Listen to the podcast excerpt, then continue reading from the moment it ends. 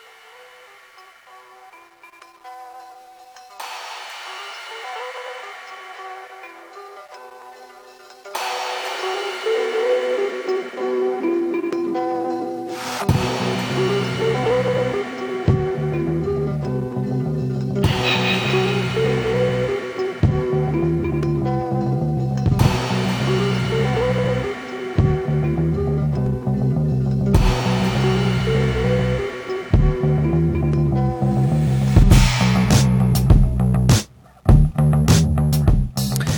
velkommen til sendisjonen av Lloydstein. Jeg er Ona Lloydstein Hansen, og neste två timer så vil jeg tikkere verster her i Udvarsmån.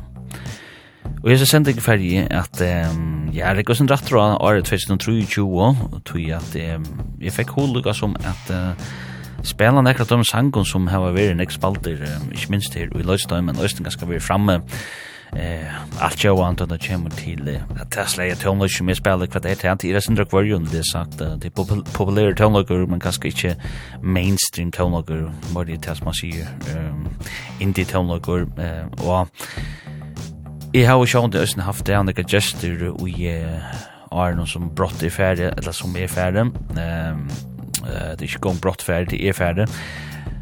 Og um, det er så gjørst det at jeg har spalt Øylandikan først kan tøvnløk, men det er også hendt seg at jeg har spalt uh, Nudjan alt seg av tøvnløk, og det er det som jeg ferdig gjør nå.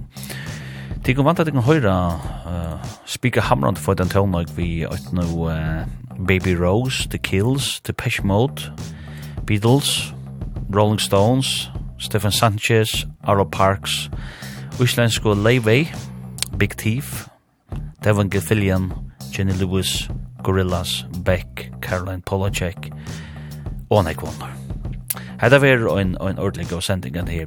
Ja, skal eg seia ta, eh so ver ein spika hamrande for sending.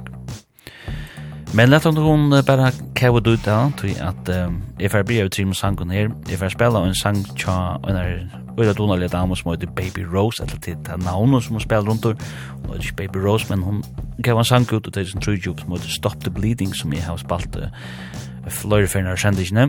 Jeg får spille en uh, spilt nødja sang vi uh, en er rock duo som heter The Kills, sangen kallas for New York, and jeg hefur røst har hors den ekka fyrir i ui Lodstein, ui 2003 Men jeg får byrja vi en noen sanje tja døyliga amerikanska uh, indie rock bulge noen uh, The National.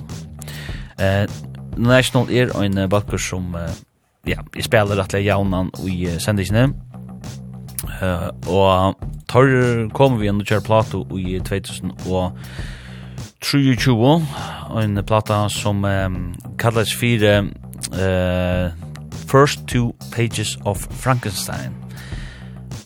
Og ja, fyrir det er ikke det var likt, så er det en av tvoi med plass som kom ut, og det kom også en utvinner en plass med et uh, laugh track i 2023, Men uh, det sier han her uh, First Two Pages of Frankenstein som jeg husker at um, spiller han sang fra.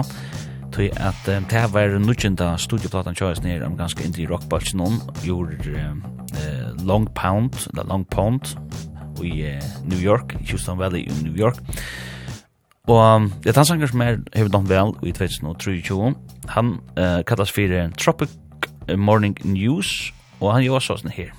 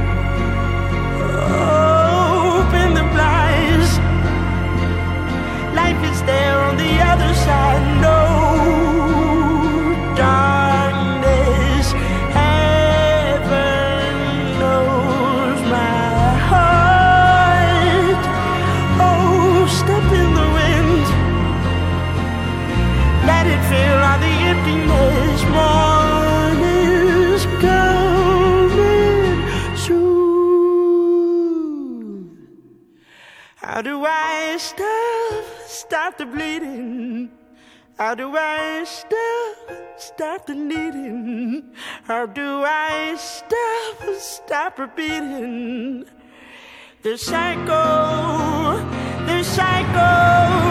How do I stop, stop the bleeding How do I stop, stop the bleeding How do I stop, stop repeating The cycle, the cycle?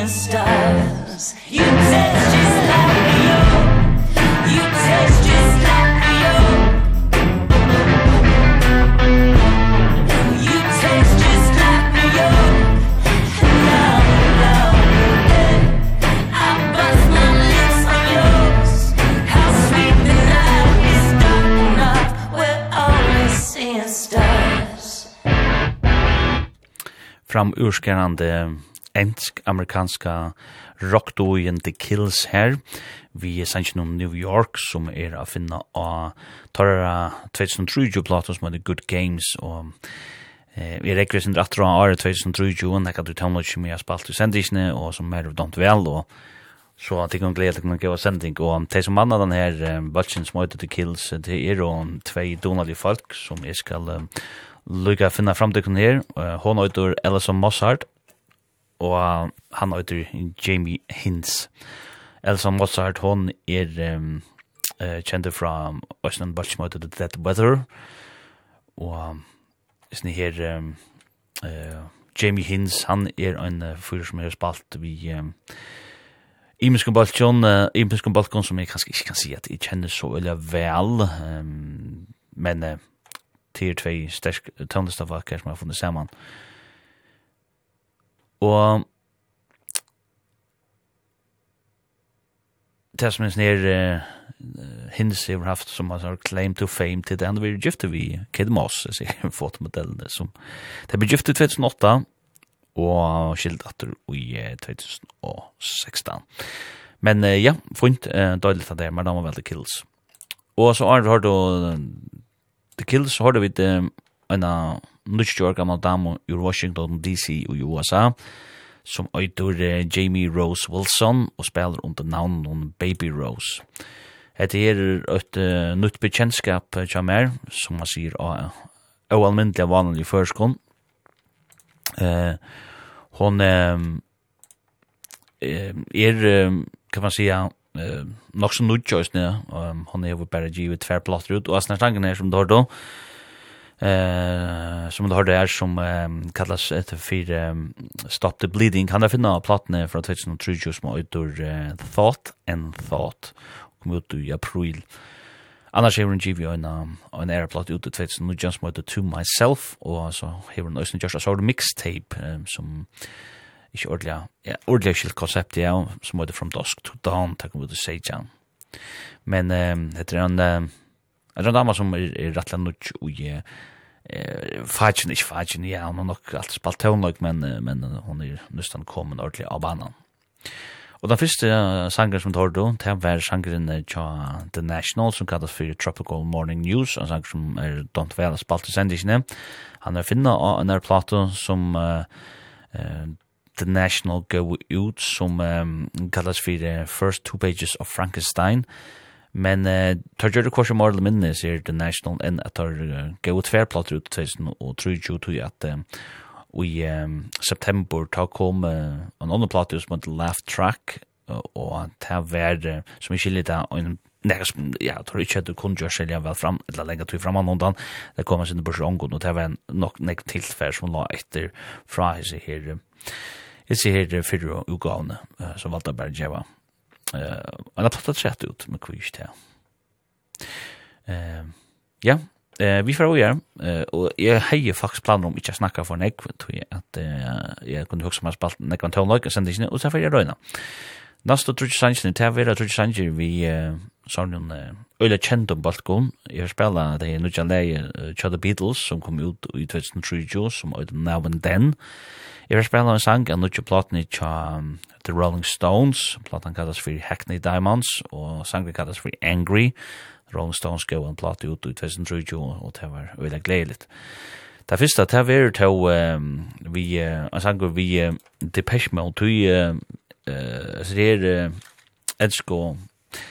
Kan kalla man det postpunkarner. Ehm ja, sunt sunt pop, new wave-erne, helt i det er ikke postpunk, det er new wave-erne ur England, ur Basildon i Essex, men torri gauan han ikke platt ut i, i 2023, som kallas for Memento Mori, uh, hon kom i kjallavurden av at, uh, ein limur i ståndan limur og balsen uh, Andy Fletcher tyvärr andaist um, Men uh, tar han valgt at, uh, ja, han er i mai og 22, men tar han valgt at spela två år i bare som er etter, David Gahan og Martin Gore.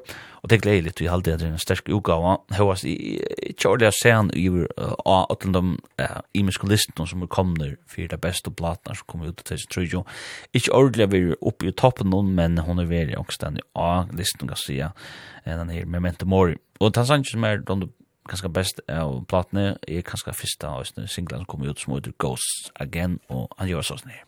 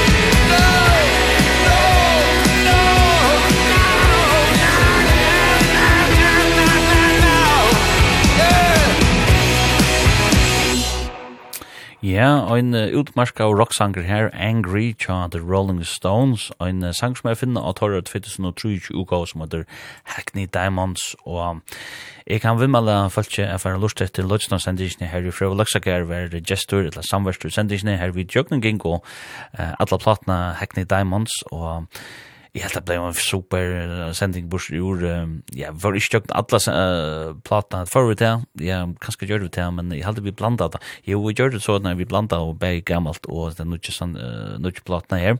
Og jeg helt det ble en fin sending bors i ord. Hun ligger og kvf.f og framskak um, Lloydstein, og så de kan føre lust etter den her.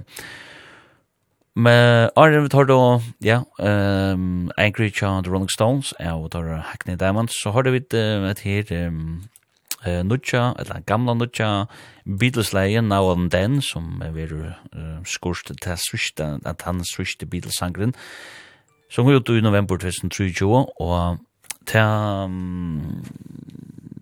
ta var hon litt en hon har eh løta at høyrra sindri av Beatles atur og det er kanskje sindri ikke sagt at Beatles den var mer enn John Lennon sanger halvtid som han skriva i eh, og han har hørt noe kjenne og han gjør det tøtt opp på en sånn heimastudie, en liten heimastudie, en sånn demo, eh, det var noe livet, og så har man brukt det moderne tøkne til lykka som at jeg får det her ljoa av uh, nøkron, altså man er simpelthen færa så til eh vitlutje vi røtten til John Lennon så at um, til å kunne ettergjørst uh, Sanjin ehm um, ufra dem demo opptøkno som uh, som vi gjør der. Eh tar how just of sort of fear free as a bird come out on a fair or real love till og och sen demo charge on den som er George room till town like um eller gym ut nu men jag vet inte alltså man kan mena vad han vill men det är helt nu att han är nu han har varit hon har lite att höra John Lennon att då och en funnits sankar alldeles ner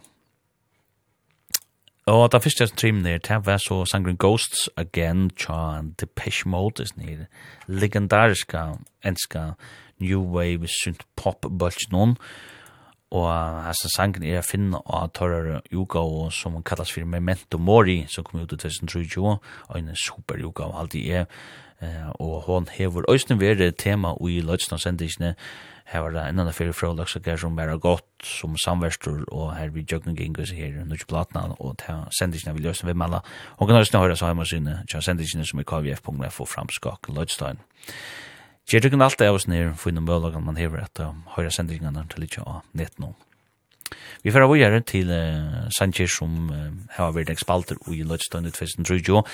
Eller, vi står kanskje ikke nek spalter til at uh, nå er det sånn, jeg har haft andre gester, forskere, andre gester som har vært givet plater ut, jeg har vært et øyelig visst jo år 2003, eller det har vært et øyelig visst jo år. Men jeg har tro, høyast alt haft nek sendinger, og her jeg har spalt, uh, må si, uh, nå kjenner alt kjøy og tøndløyk, og Jeg får spela uh, Trudja Sanchez her, det er vi uh, halde jeg sånn en uh, upcoming uh, kommande stjøtnon uh, og alt kjøtt tøndagpattelon vant jeg uh, Onkrat om er ganske nok kjent langer nu, Arlo Parks, Henry Whiteless sang uh, for jeg spela, Arlo Parks er langer nu og kjent navn, men hun ganske ikke alt jo, Stora jogna Jugna brått jeg inn, men det vant jeg for å komme. Jeg får spela en sang til en uslensk dame som heter Leivei, som ger ødelendig om seg. Jeg halte det særlig kanskje er av TikTok og sånne, men jeg har ordentlig finnet ikke foten fyrir seg øyne i USA. From the start kallar sangen er tjasi her Donali og islenska damene som ja, tolkar, brukar gamla tónlagastular som hon enda brukar, la man sier sånn her. Ja. Men det første, det er alltid jeg, det er en sang vi en, en unge mann som heter Steven Sanchez, og en kjører gammel, som er et supertalent alltid. Altså, han synger oalmyndelig vel, og uh, det sier det en sanger som er fra spela som heter Be More, er en sanger som uh, ja, så uh, jeg får jo så gaser holdt av, du, um, det var ikke hva det gjør dikner ute, men det ger alltså här är min min tonliga radar som mycket går eller eller öarna som mycket går att jag vet att det händer så är det tror att vi kommer att ge rockers helt fantastiskt och att att det bara är som som som följda på något men det är nästa som helt på samma vata så det det var det bara runt om jag vill att tonliga att låta något tonliga att helt lov och Han er snir ongjør gamle mauren ur Amerika. Han kommer ur El, El Dorado Hills i California. Ongjør tjo år gammal og hans til holdt utroligt. Og jeg synes sangen er finna hans her debutplata som kom ut 2003 som heter Angel Face. Han er kommet flykvande fra byrjan i sin unge mauren her. Og ja, lustet er snir Be More. Ja, jeg kom til ikke mer nekk mer enn etter herfra Steven Sanchez. Musikk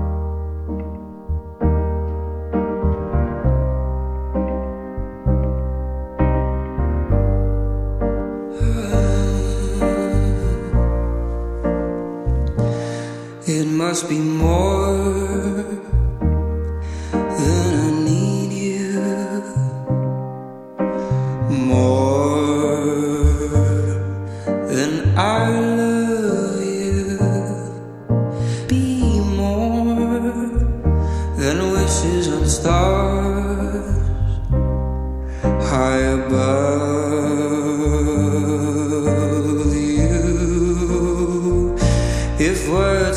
hold you.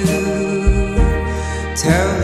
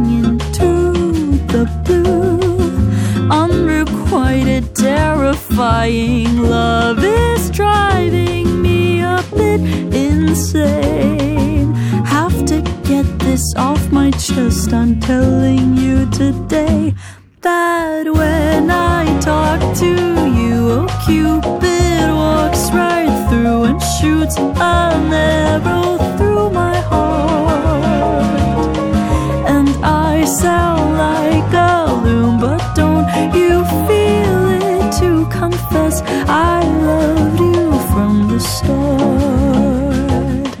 Confess I loved you. Just think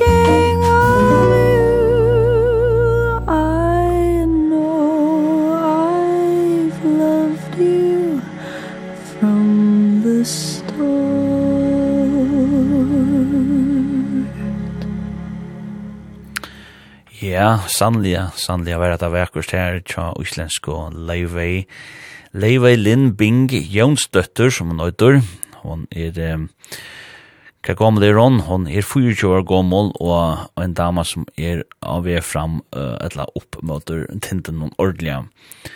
Hon, eh, eh, ja, det her er sånn, hva skal man kalla det her? Det er sånn en singer-songwriter-tøndlager, men hon brukar Halt Tuilevis, sånn Billy Holiday, gammalt jazzot, Ella Fitzgerald, uh, think um, uisunnen, um, um, uisunnen tøvnløtje, og det er resten som few mindre til henne, og det er jo men hatt det spilt nytt, og era finna finne hennara henne plato som kom ut i 2020, og som heter Bewitched, og det er hennara andre utgava, um, det fyrra, det fyrsta, hon kom, uh, eh ut i 2022 som heter Everything I Know About Love.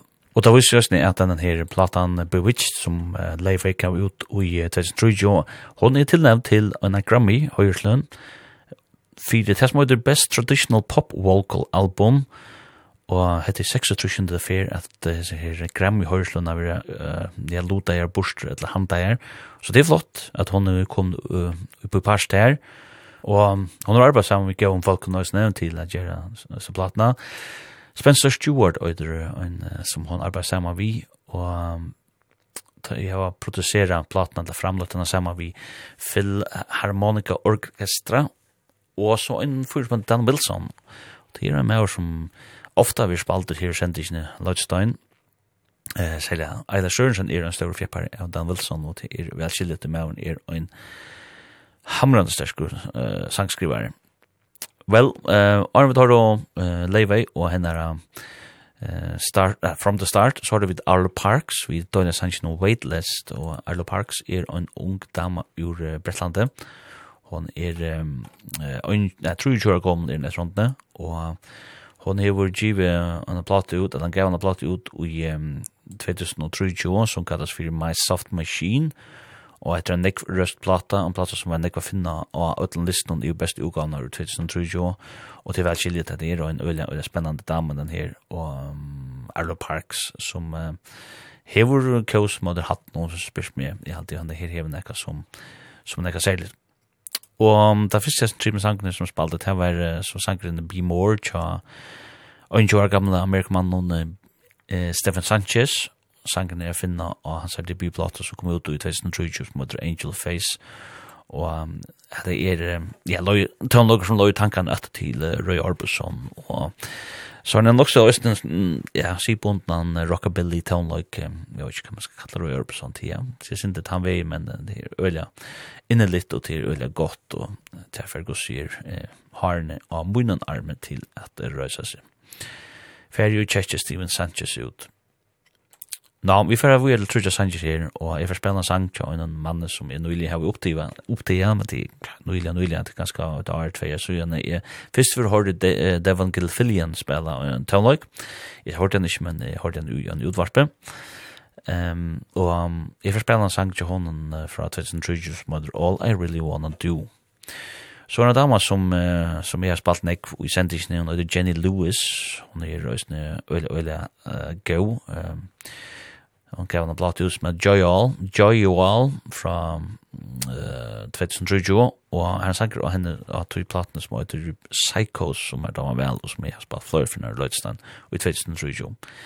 Fyrst sanger vi er til en uh, sanger som er Big Thief, brottelig gav ut, jeg hadde kjenne finne nekka plato til en singla bare som er sånn her døylige balken ur Amerika hever uh, givet ut, uh, og det er den jodan her, Vampire Empire.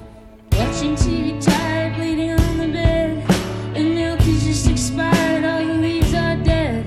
I'm not quiet, you've been quiet Just receiving what you said. Reeling, feeding, feeling filled by everything you fed. I see you as you see yourself Through all the books you read. Overwhelmed with guilt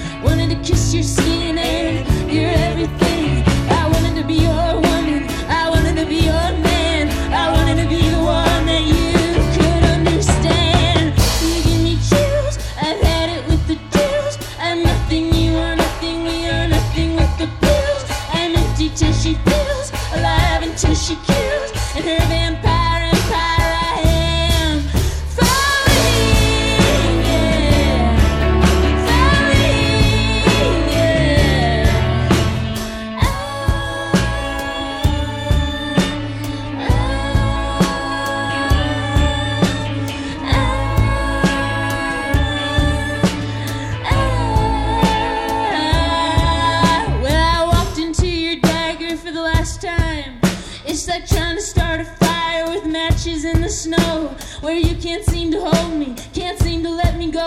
So I can't find surrender and I can't keep control. You turn the inside out and then you want the outside in. You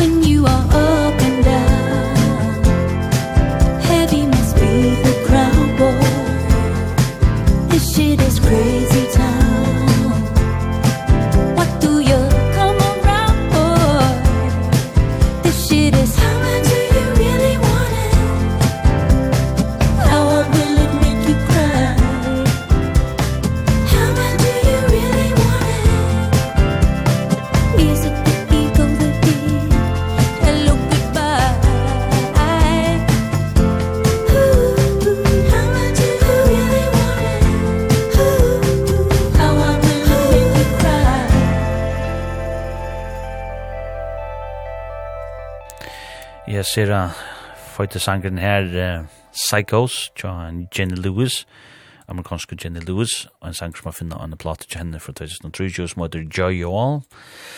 Og Og den her Jenny Lewis, hon er um, ikke nekkar uh, Orsengjem, hon er um, 84 år gammel, og hon er også kjent fra en uh, kjent en bølse som heter, eller indie rock bølse som heter Rilo Kylie, det som ikke kjenner Rilo og Kylie kunne for å tjekke tannbalsen og døysene til at det er øysene hamrande gode tannløkker. Men um, det er um, en sanger som man hørte her som at uh, Psychos han er finnet av seg platen her som heter Joy All og det er um, henne er uh, fjorda solo um, plata. um, så ja, jeg tror en dame som har givet givna ut og som givet givur ut sammen med Rilo Kylie. Og vi tar då Jenny Lewis, så har du vidt um, Donnelly, uh, amerikanska tøvnløsemannen uh, Devon Kilfillian, og hans her uh, sang uh, som kallas fire, som ikke, skal det ikke være vi her, han kallas fire All I Really Wanna Do, og hette er en sang som uh, er å finne av platen tja Devon Gilfillian, som heter Love You Anyway, som kom ut i april 2023, og som er spalt rett og fitt om til munte, eh, spalt tåna gøy om et landet den her, All I Really Wanna Do Sanjin.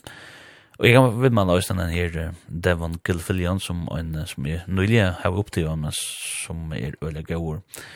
Han har vært visjen siden 2013, snir, og spalte gitar, ja, spalt gitar som jeg var første år gammal, og i behøver en, ja, en døydelig bekjennskap, som man sier, og han var han i førskolen. Ja. Ja, det må komme, det ha en bekantskap det må komme under havna språk, det må ikke det det er ikke du gir havna med men att det lever smak short. Og den første trimmen sangen vi har det, det var sangen om Vampire Empire tja amerikanska batchen Big Thief.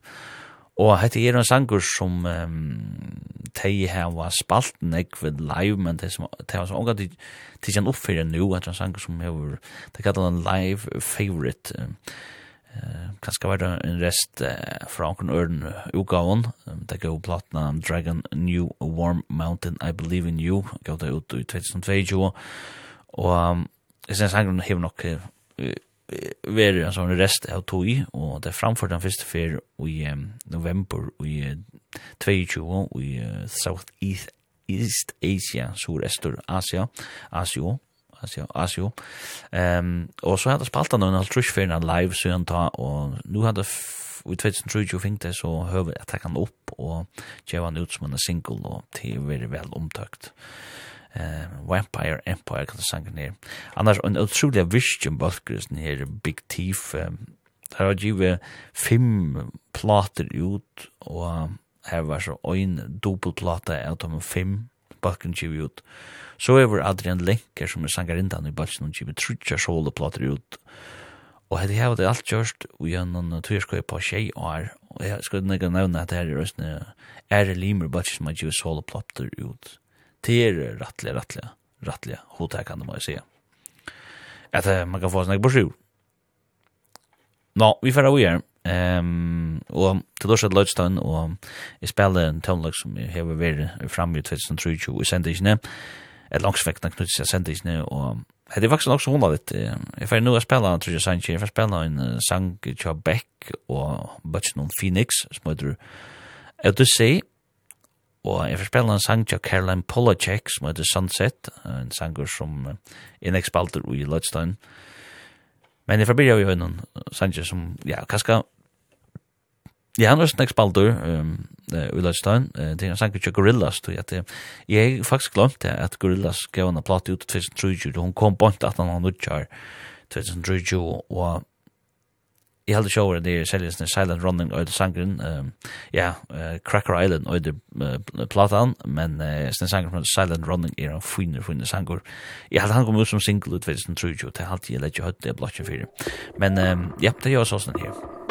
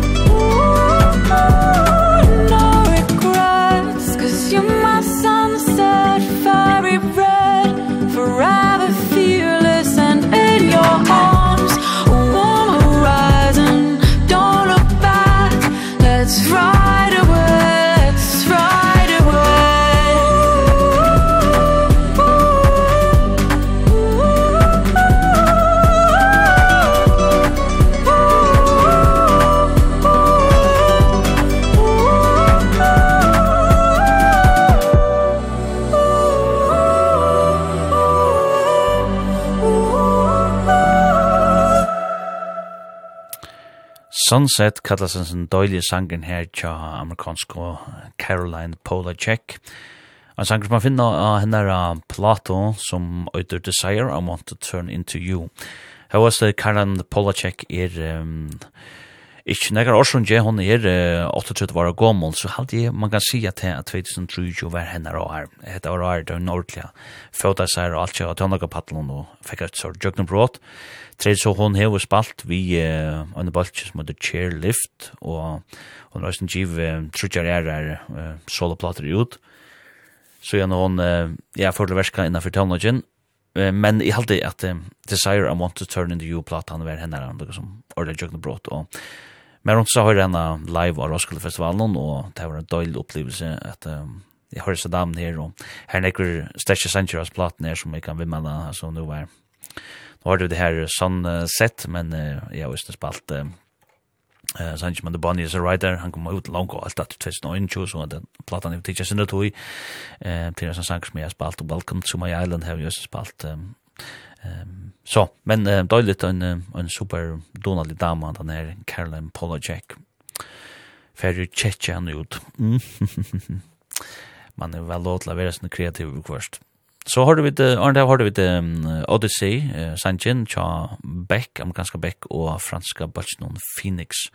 Hette er er ein uh, sangur som kom um, ut uh, Beck og Phoenix go ut i uh, juni i 2023 Det er en sånn stand-alone single, der sier jeg ikke noe plata knytt etter ned, men dette var en sanger som skulle, skulle vært på jøs av en uh, sommerturné som de gjør det sammen med et Summer Odyssey Tour, som de ja, høtte sammen med Beck og Phoenix. Og så, ja, Kristian, ja, var funnet.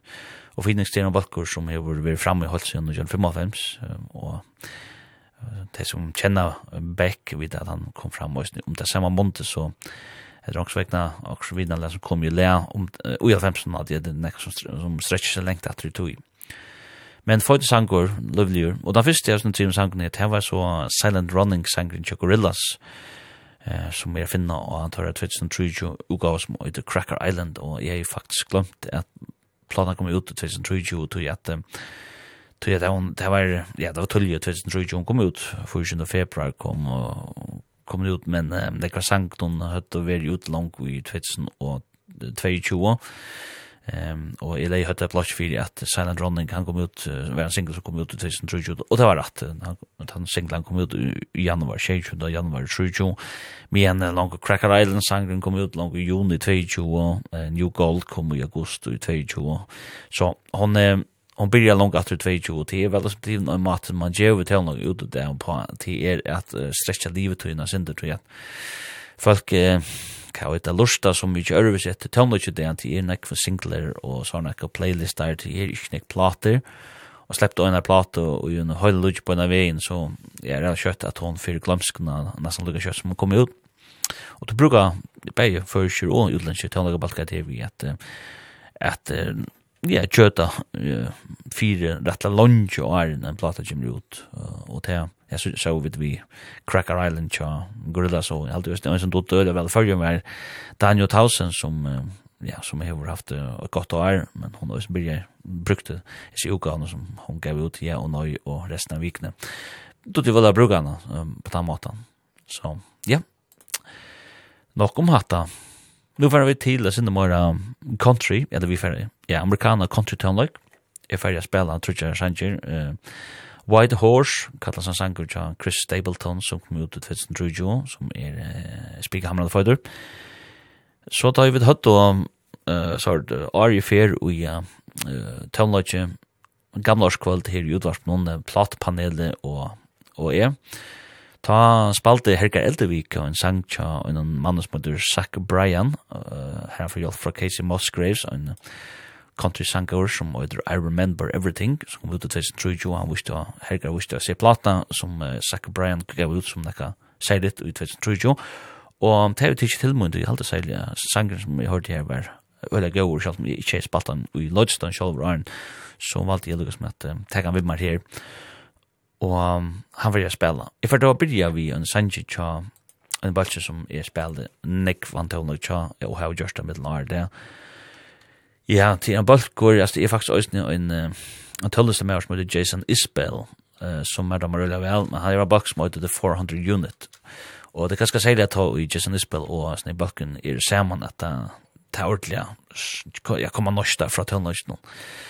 Og Jason Isbell og hans er The 400 Unit her har givet en plate ut i 2020, eller gav en plate ut i 2020, som uh, kallas for um, uh, Weather Wains, Weather Wains, kom ut i juni i 2020, og uh, Weather Wains er en sanger som er alt for et fall fyrir som heter Death Wish. Det er en ganske sintur, Mark Hotlier, eller hva skal man sige, depor depor uh, høyde han sanje og han snur seg øyne om um, om det at uh, vilja taka seg døvun uh, og jeg tror det er viktig å få det fram og gjøsmålene at uh, som jeg var da så mye ringt eller jeg var sånn salar kvøl som da heter at jeg omvoksa at lukka som at teka til avgjørende at teka seg døvun. Og det er uh, øyla, øyla, øyla områdende halte jeg at man uh, byrja ta seg oppi om det og, og at man også vekna leter folk vita til at um, at det er ikke løsene, og at uh, ta ber til at uh, få hjelp og få det bedre. Og det er vi det er bare oppmerksom på, og tåre ganske at at ta som det, ja. jeg kjenner nevnt det, men, uh, men det er nekka som, som er, nekka som rekker opp alla sender kring heimen, og ikke minst løsning mokkar løy Men her kommer så sangren tja Jason Isbell, og hans er foran the units møtet Death Wish. Did you ever love a woman with a death wish? Something in her eyes like flipping off a light switch Everybody dies but you gotta find a reason to carry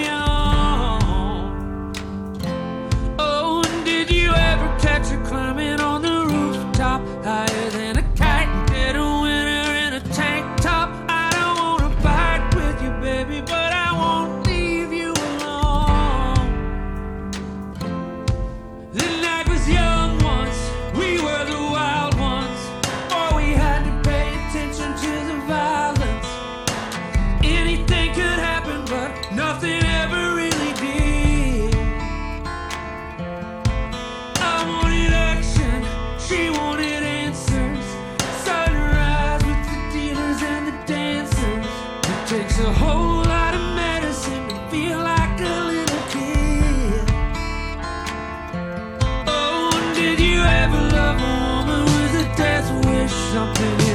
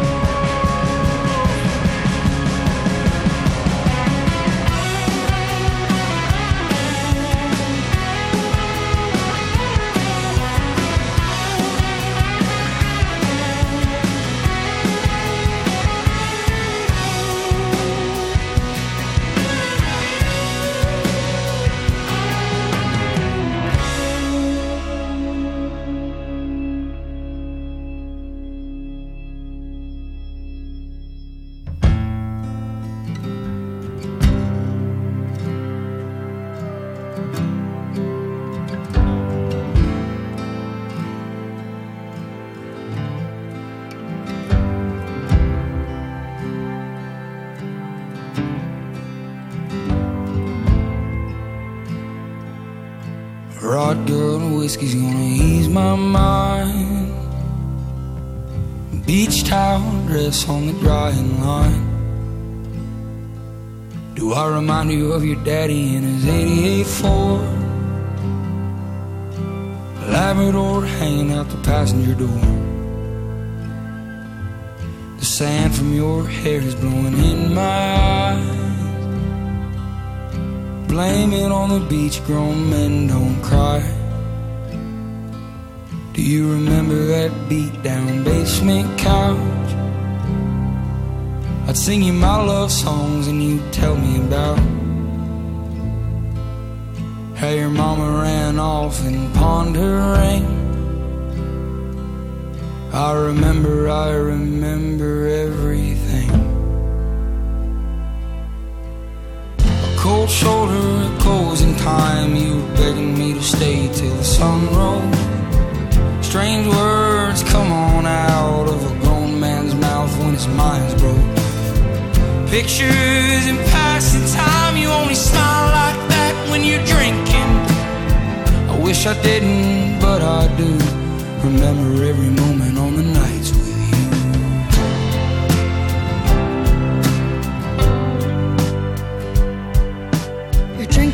thing to ease your mind.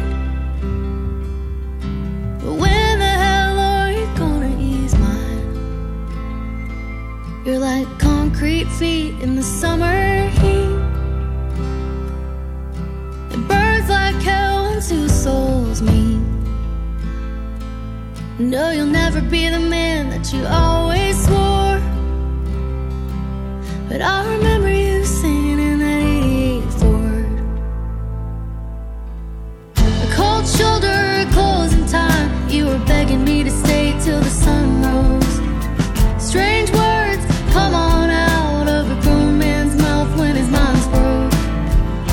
pictures. And passing time you only smile like that when you're drinking. I wish I didn't but I do. Remember every moment on the nights with you. Cold shoulder closing time you begging me to stay till the sun rose strange words come on out of the bone man's mouth when his mind's broke. Pictures and passing time you only smile like that when you're drinking wish I didn't, but I do. Remember every moment on the nights with you.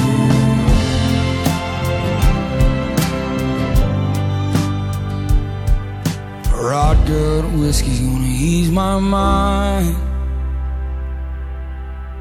Beach towel dress on the drying line. Do I remind you of your daddy in my 88 Ford? Labrador hanging out the passenger door.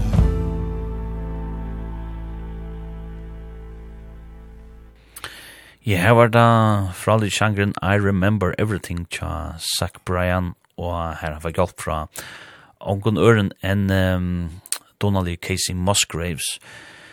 At det å finne en av sjålnemdare plate som uh, Zach Wild gav ut i 2003 og at det sangre gjør kvarsmåren minn enn han får uh, brekant inn Som nummer 8 av US Billboard Hot 100-listan, og det er ikke bare bare. Uh, det er Zach, uh, Zachary Lane Bryan, som han nøyder i 20 år gammal, og er født og pronalige i uh, Okinawa i Japan.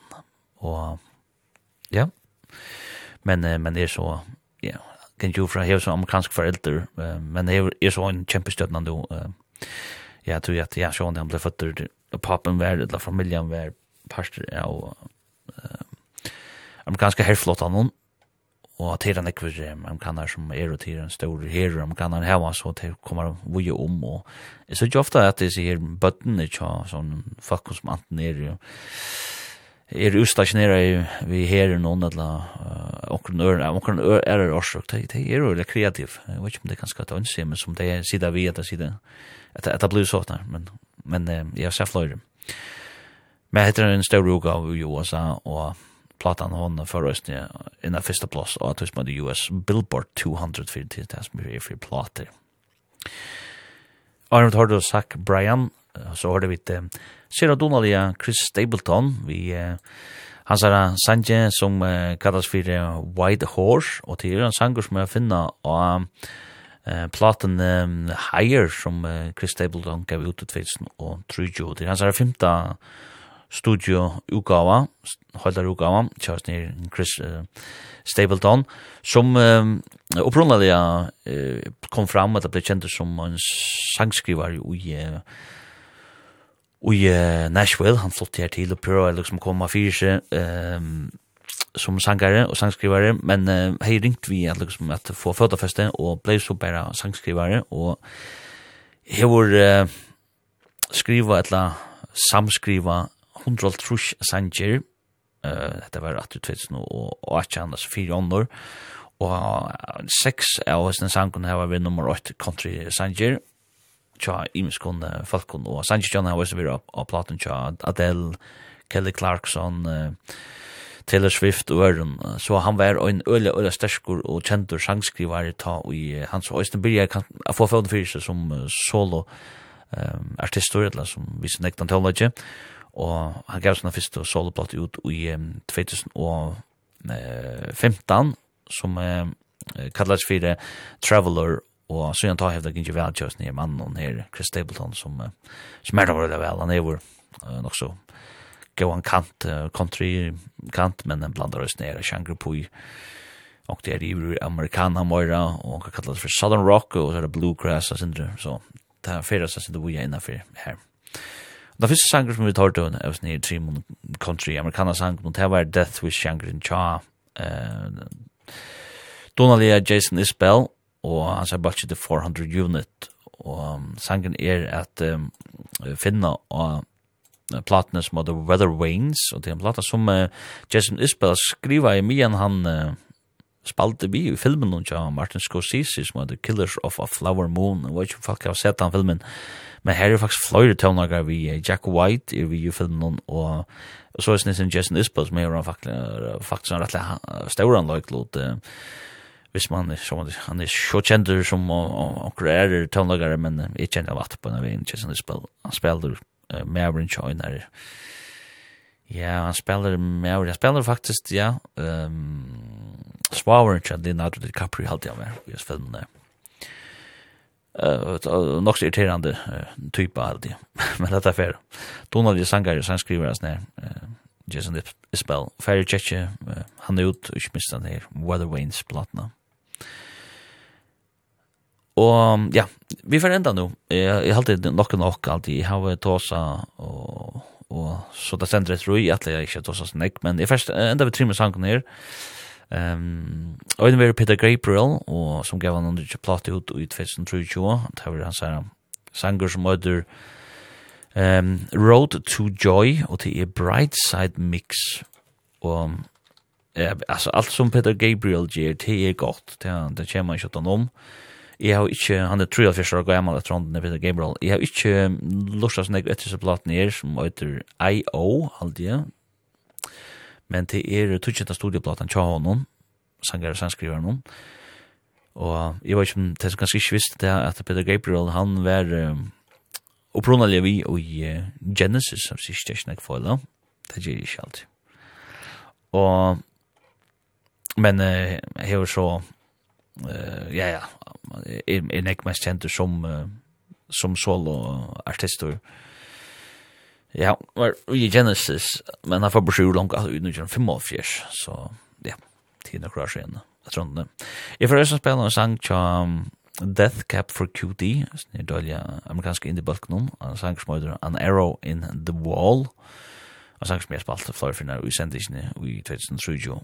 Det første vi er til en sang vi er en balken til Dan Auerbach som heter The Arcs, det som vi da... Um, hver den er, altså, ja, det er ganske eh ganske det som Lorsa sendi ikke ned videre hvor The ark sier til. Jeg spiller utrolig enn ikke Tjadana Auerbach som er ein indis tøvnlista mer og mer og The ark tar koma trúja trú 2023 etter han heldur lenga steg da gå og debutplatna Yours Dreamly ut i 2015 og så eh, så var jeg faktisk pausa lukk inntil 2020 ta i Electrophonic Chronic kom ut og ja, det her eh, komst av tog særlig årsøk at at ein av limna balkina som heter Richard Swift han han andaist i 2018 uh, og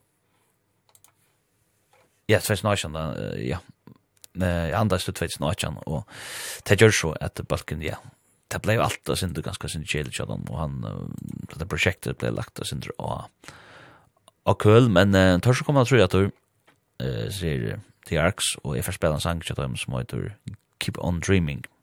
Vi snir så fyrir jeg takka fyrir meg, og vel at vi vil ikke roll alt for nek, og jeg fyrir ikke at jeg alt det beste, men da sender jeg never lagt ut av heimasynet, jeg sender som vi kaver i f.fo framskak Lloydstein. Og um, hvis ikke nekka grunnleggjande brot, så vil den også lagt ut av Spotify. Um, jeg kan du lagt etter etter Lloydstein, uh, så skulle du gjerne være her ute, og ja, til så til. Uh, Sanna sånn ut, jeg bare ikke, hva gjør vi til? Ja, det kan kommer også ut her, uh, uh, Spotify. Annars så um, har vi jo en Facebook-vengas på Lloydstein. Ja Men vi hesson så får jeg takka for meg, og vannet til nåttet sier løtna, og vi tar oss at om øyne vikko.